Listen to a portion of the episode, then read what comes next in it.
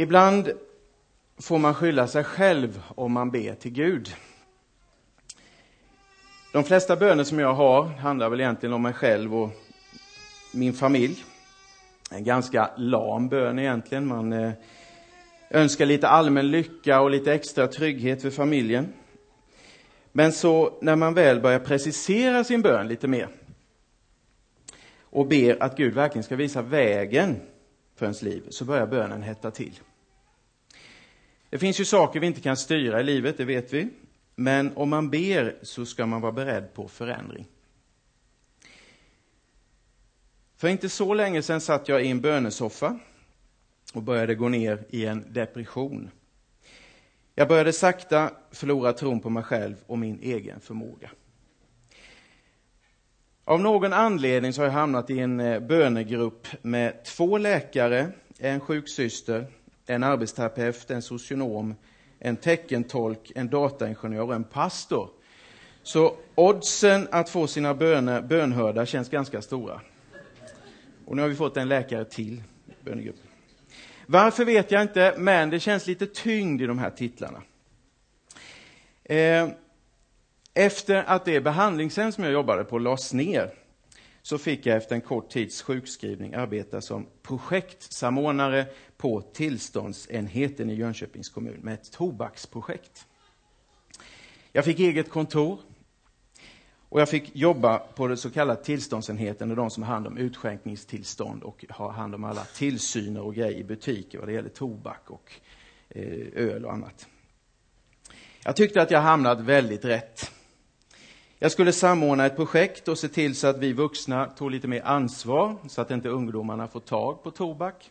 Det är nämligen så att 90 procent av de som börjar röka och snusa gör det innan de är 18 år. Så att hade man lyckats med det här projektet så hade man ju sett att tobaksindustrin kanske hade varit ett minne blott. Ett väldigt spännande projekt. Jag satte igång med stor entusiasm och iver. Och jag har föreläst för Polismyndigheten, har varit inne i span undervisat om Kärnan av hela verksamheten. Socialchefer, politiker, lärare, skolelever, fritidsledare och fältare. Jag kände mig väldigt stolt. Jag tyckte jag var någon. Fem månader innan tjänsten eh, skulle gå ut så fick jag reda på att jag inte skulle få fortsätta. Projektet som finansierades av Statens folkhälsoinstitut, fint, försvann och de skulle anställa en socionom istället som handläggare. Och egentligen vill jag inte ha den här tjänsten. Eh, men det kändes som om jag klättrade upp i karriären och så såg jag inga öppningar, så jag började bli frustrerad. I bönesoffan som vi bad så började jag be mer och mer kreativt. Och det fanns en rad olika tjänster som skulle kunna passa mig bra, så vi bad Gud att leda mig. Eftersom Jönköpings kommun, där jag jobbar, inte har någon nytta av än med en barnskötarutbildning från 90, eller 86, en väktarutbildning, en ordningsvaktsutbildning och en pastorsutbildning, så skulle kommunen se vad jag var lämplig till. Det som fanns var personlig assistent. Det var det sista jag ville göra. Jag tyckte att jag hade jobbat med sånt. Jag har jobbat både som hemsamarit och hjälpassistent och en hel del på psykvården. Så jag tyckte Gud kunde finna ett lite finare jobb. En av cheferna på funktionshinderomsorgen hade sett mitt CV och hon ville att jag skulle börja jobba. Och jag ville inte, utan jag började snegla på andra jobb. Det kändes som om det mesta av mig började försvinna. Jag hade lämnat min pastorskallelse. Jag hade slutat måla tavlor. Jag hade slutat spela trummor. Jag har ingen skivspelare längre. Jag har 400 LP-skivor hemma. Vi lyssnar på Hannah Montana. Och min dotter bokar hela tiden min dator, så jag kan inte ens lyssna på det som jag vill. Jag började anklaga mig själv och så gick jag sakta ner i en depression. Kommunen skulle hjälpa mig, men jag kände på mig att, att jag skulle få något som jag inte ville ha. Så jag började förbereda mig på detta och genom att starta upp en firma för att jag skulle göra något som jag ville göra under tiden åtminstone. Så jag började sälja aloe vera-produkter. Något jag trivdes med, men slutdatumet närmade sig. De arbeten jag hade sökt fick någon annan istället. Och några av de mest intressanta jobben uteblev helt tack vare anställningsstopp. Och vi fortsatte be. Vid ett tillfälle sökte jag upp sjukvården och beskrev hur jag kände. Jag kom ut med två burkar Stesolid. Jag tyckte det var lite överdrivet, men jag tog piller i två dagar men blev så trött att jag inte orkade någonting. Nu kände jag mig verkligen som ett psykfall. Eh, ni som inte vet vad Stesolid är så är det väldigt beroendeframkallande och väldigt populärt bland narkomaner.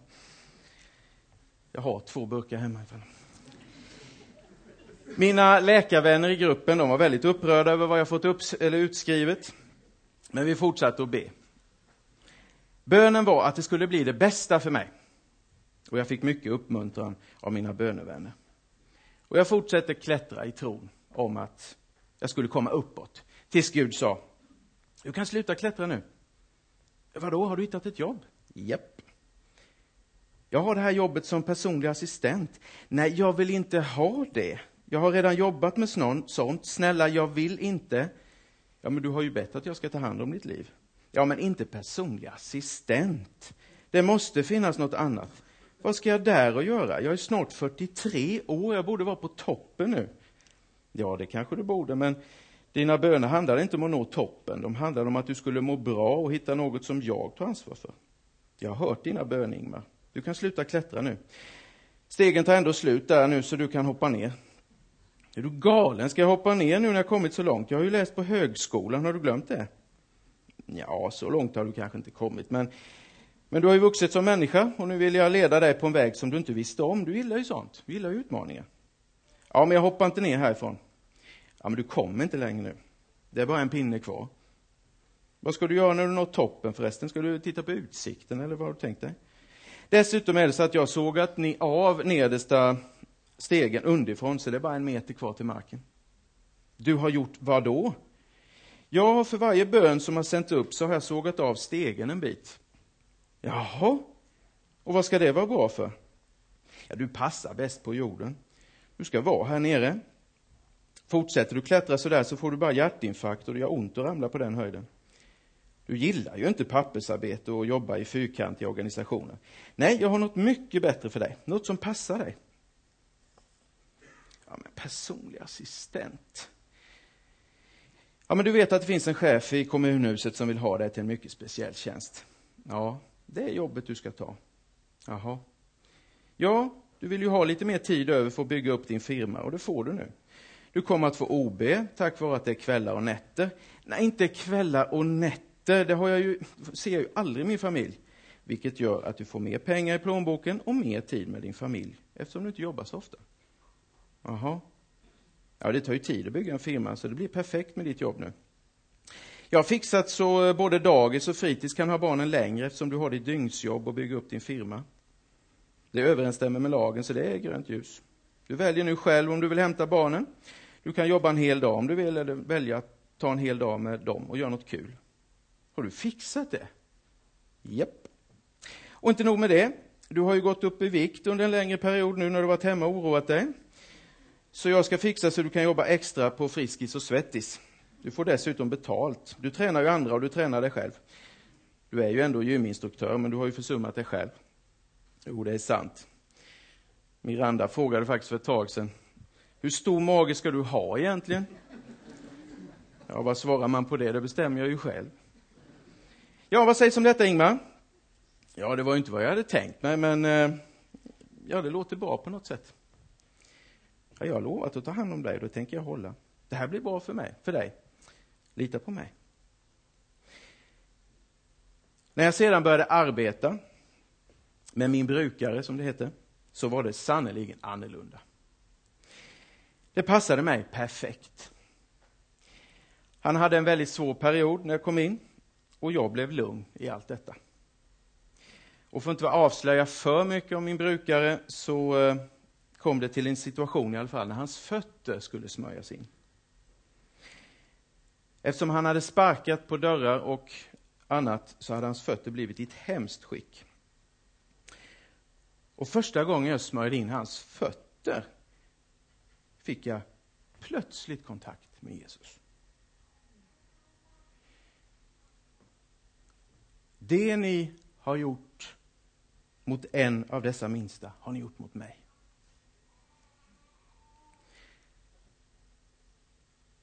Det blev ett väldigt kort möte. Ett heligt möte. Det varade några sekunder, för sedan stack min brukare iväg på en tvångsrunda igen. Men i det ögonblicket förstod jag att jag skulle vara kvar där. Hur länge vet jag inte, men jag ska vara kvar där. Jag är mycket lugnare idag. Jag tänker mer på vad som är livskvalitet för mig. Det var det sista arbetet jag ville ha. Det var det jag skulle ha. Så ibland får man skylla sig själv och man ber Gud om hjälp. Men det leder hem på något sätt. Vi har inte hela bilden. Det har Gud. Och vem kan förstå Guds tankar fullt ut för den här världen? Genom bönen kan vi åtminstone få kraft att klara av den. Istället för att sträva mot att bli fria och kärleksfulla, kärleksfulla och finna livet inom oss själva så strävar vi allt mer efter att bli perfekta, bundna och mindre generösa mot oss själva. Om du inte bryr dig om dig själv, om du inte älskar dig själv, så kan du heller inte älska din nästa. Om du inte inser hur mycket Gud älskar dig, så kommer du att bli bunden till en felaktig bild av dig själv. Och det kommer inte att bli bra. Någon gång i framtiden kommer kanske någon annan att torka mig i änden. Jag kanske får kateter, eller blir oförmögen att äta själv och bli matad. Jag kanske blir psykiskt sjuk och kan inte ta hand om mig själv eller andra. Jag kanske får cancer. Då är det förhoppningsvis någon annan som hjälper mig. För någon kan det vara ett jobb, men för någon annan kan det vara en kärleksfull handling mot en av dessa minsta. Kanske man inte känner sig så kärleksfull alla gånger. Jag kände mig verkligen inte som ett helgon när jag skulle smörja hans fötter första gången. Men jag gjorde det och såg att det betydde något, även att han inte kunde ge respons för detta. Att göra något för någon annan, det är mycket lättare att hjälpa någon annan, det vet vi, än att be om hjälp. Vardagskraft är så mycket mer än att stödja människor i sorg och nöd. Det kan vara att ge av sig själv som får den andra att brista ut i ett befriat skratt. Som vi såg här. Den här, vad var det du sa nu? Om trenden, den trenden försvann. Det blev något spontant och härligt. Jag ska berätta om förra söndagen. Det var en mycket speciell situation. Jag och min fru skulle ha hand om himlatoppen där nere. Söndagsskolan Himlatoppen. Eh, I manus var det fem roller. Och jag fick ta fyra. Vilket är inte så jättebra när man knappt kan vet var man är någonstans. Men det blev så. Vi strök mycket och grejade till det så det skulle bli ordning och reda. Och det var väldigt mycket. Jag skulle vara Mike med bike, handdockan Fia, Hemlige Helge och nyhetsuppläsare. Det var väldigt, väldigt förvirrat. Men det blev roligare än det var tänkt. För att, vi skulle ha, för att inte jag skulle behöva klä om en extra gång på en sekund, så hade vi en telefonkontakt med hemlige Helge. Eh, och det hade funkat när vi övade, men det funkade inte när alla barnen och vuxna satt där inne. Och jag satt i ett rum och försökte, och det blev upptaget ton och det blev eh, eh sån här röstbrevlåda, allt möjligt, när vi skulle ringa in till det och jag skulle prata lite så här skojigt. Barnen tyckte det var jättespännande, men de vuxna insåg att det här, så här skulle det inte vara. Samtidigt så står det en av kvinnorna där som har barn och börjar skratta då naturligtvis, för jag står ju där inne och vet inte vad. Men kom igen nu. Och så fick, ringde hon upp, men det var upptaget ton och allt möjligt, så det blev liksom helt tokigt då. Jag tror att hon blev lite förlöst av detta och tyckte det var lite skoj. Efter det tog jag om alltihopa, peruk och alltihopa och klär om, sätter på en förebedjarskylt. Och gick upp Och tänkte, det var en annan kvinna också som var där, som vi skulle vara förebedjare. Så tänkte jag, ja, det kommer väl ingen till kapellet, det brukar det ju inte göra antar jag. Så jag pratade lite med den andra förebedjaren. Och så kom en välkänd man upp, in till kapellet. Den som alltid hjälper andra och alltid ställer upp. Jag var säker på att han skulle fråga om vi hade det eller sådär, men han hade ingen skylt, så han jobbade ju inte den här dagen. Han sätter sig bredvid mig och berättar om sin oro. Jag lyssnar. Jag ber en stilla bön och lägger min hand varsamt på hans huvud. Efter min bön tackar han Gud och går därifrån. Han sökte tröst hos Gud via mig.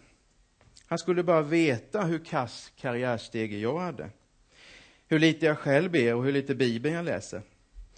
Att jag ibland skäms över att vara kristen och trött på att försvara mig mot alla fördomar. Och att jag arbetar som personlig assistent när jag har pluggat teologi i fyra och ett halvt år. Han skulle bara veta. Tror du han var intresserad av det? Nej. Han bar på en oro och han behövde hjälp och jag bad. Vad Gud gör med den här fantastiska människan vet bara Gud och han själv.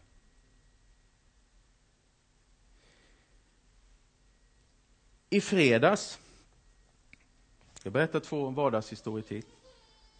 I fredags ringer en vän till mig, jag är ganska spontan av mig och eh, hör vem det är, så jag blir glad och frågar, är du fortfarande gravid? Nej, säger hon. Jag stelnar till. Uff, vad har jag sagt? Hon har fött för tidigt. Tre månader för tidigt. Tvillingar. De hade börjat ta näring för varandra, så de, kunde inte göra något annat än att ta ut dem. Hon låg på Linköpings lasarett. Flickorna väger 850 gram styck. Och det hade naturligtvis varit väldigt dramatiskt under de här veckorna. Och mamman säger att ingenting betyder någonting nu, mer än de här flickorna. Alla andra bekymmer är som bortblåsta. Och jag lovade att be för henne. Och sen strax efter så ringer min lumpakompis Stefan från Skåne. Det är alltid roligt när han ringer, han har en härlig skånska. Han och hans familj har ett stort hus, så de har renoverat i över tio års tid och nu så hade de hållit på och tjafsa om de skulle köpa ett sommartorp eller inte. Och han sa det, nej jag gör inte det, vi köper ingenting, för det är liksom, jag orkar inte renovera, jag vill ha semester, jag vill inte hålla på med sånt här mer. Men hans fru var påstridig, så men vi köper det i alla fall, jag ska ta hand om det, här, jag lovar. Eh, och så säger de att de skulle iväg och reka läget, som de säger. De skulle bara dit och titta lite på det då. Och så tar han pojkarna, de tittar på torpet, tar pojkarna, går iväg ner mot sjön. Och när han kommer tillbaka så har frun slått ut en yttervägg. För att hon hade hittat några fina fönster på vinden som hon ville sätta dit. Och då sa han, jag har aldrig snickrat så mycket i hela mitt liv, så Min fru och jag har helt olika uppfattningar vad ordet reka läget betyder. Så. Och jag skrattar så jag kiknar. Två helt olika berättelser. Den ena tog kraft från mig, den andra fyllde mig med skratt. Där jag kände att så här är ju livet. Det är som att titta på Solsidan. När man slipper ha huvudrollen. Så här är ju livet. Hela tiden. Vad gör vi med det? Vi kommer ju aldrig helt undan orättvisor, sjukdomar, krig och elände. Vi kommer aldrig kunna stoppa ondskan helt, vi vet det. Men vi kan be. Och det är inte alltid vägen som vi ber om som är vägen Gud låter oss gå på. Den är bättre även om jag inte förstår den.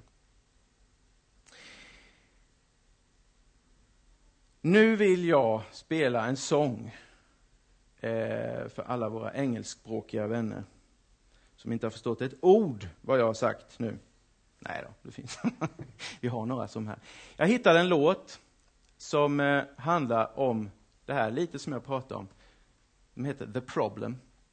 Och gruppen heter Down Here. Och eh, kan ingen engelska så är det i alla fall slutvinjetten att, ja, jag ska inte berätta vad det handlar om, men eh, den här fick jag lite rysning av faktiskt. Jag tyckte den var väldigt bra. Gud välsigne er allihopa. Lyssna på denna. Amen.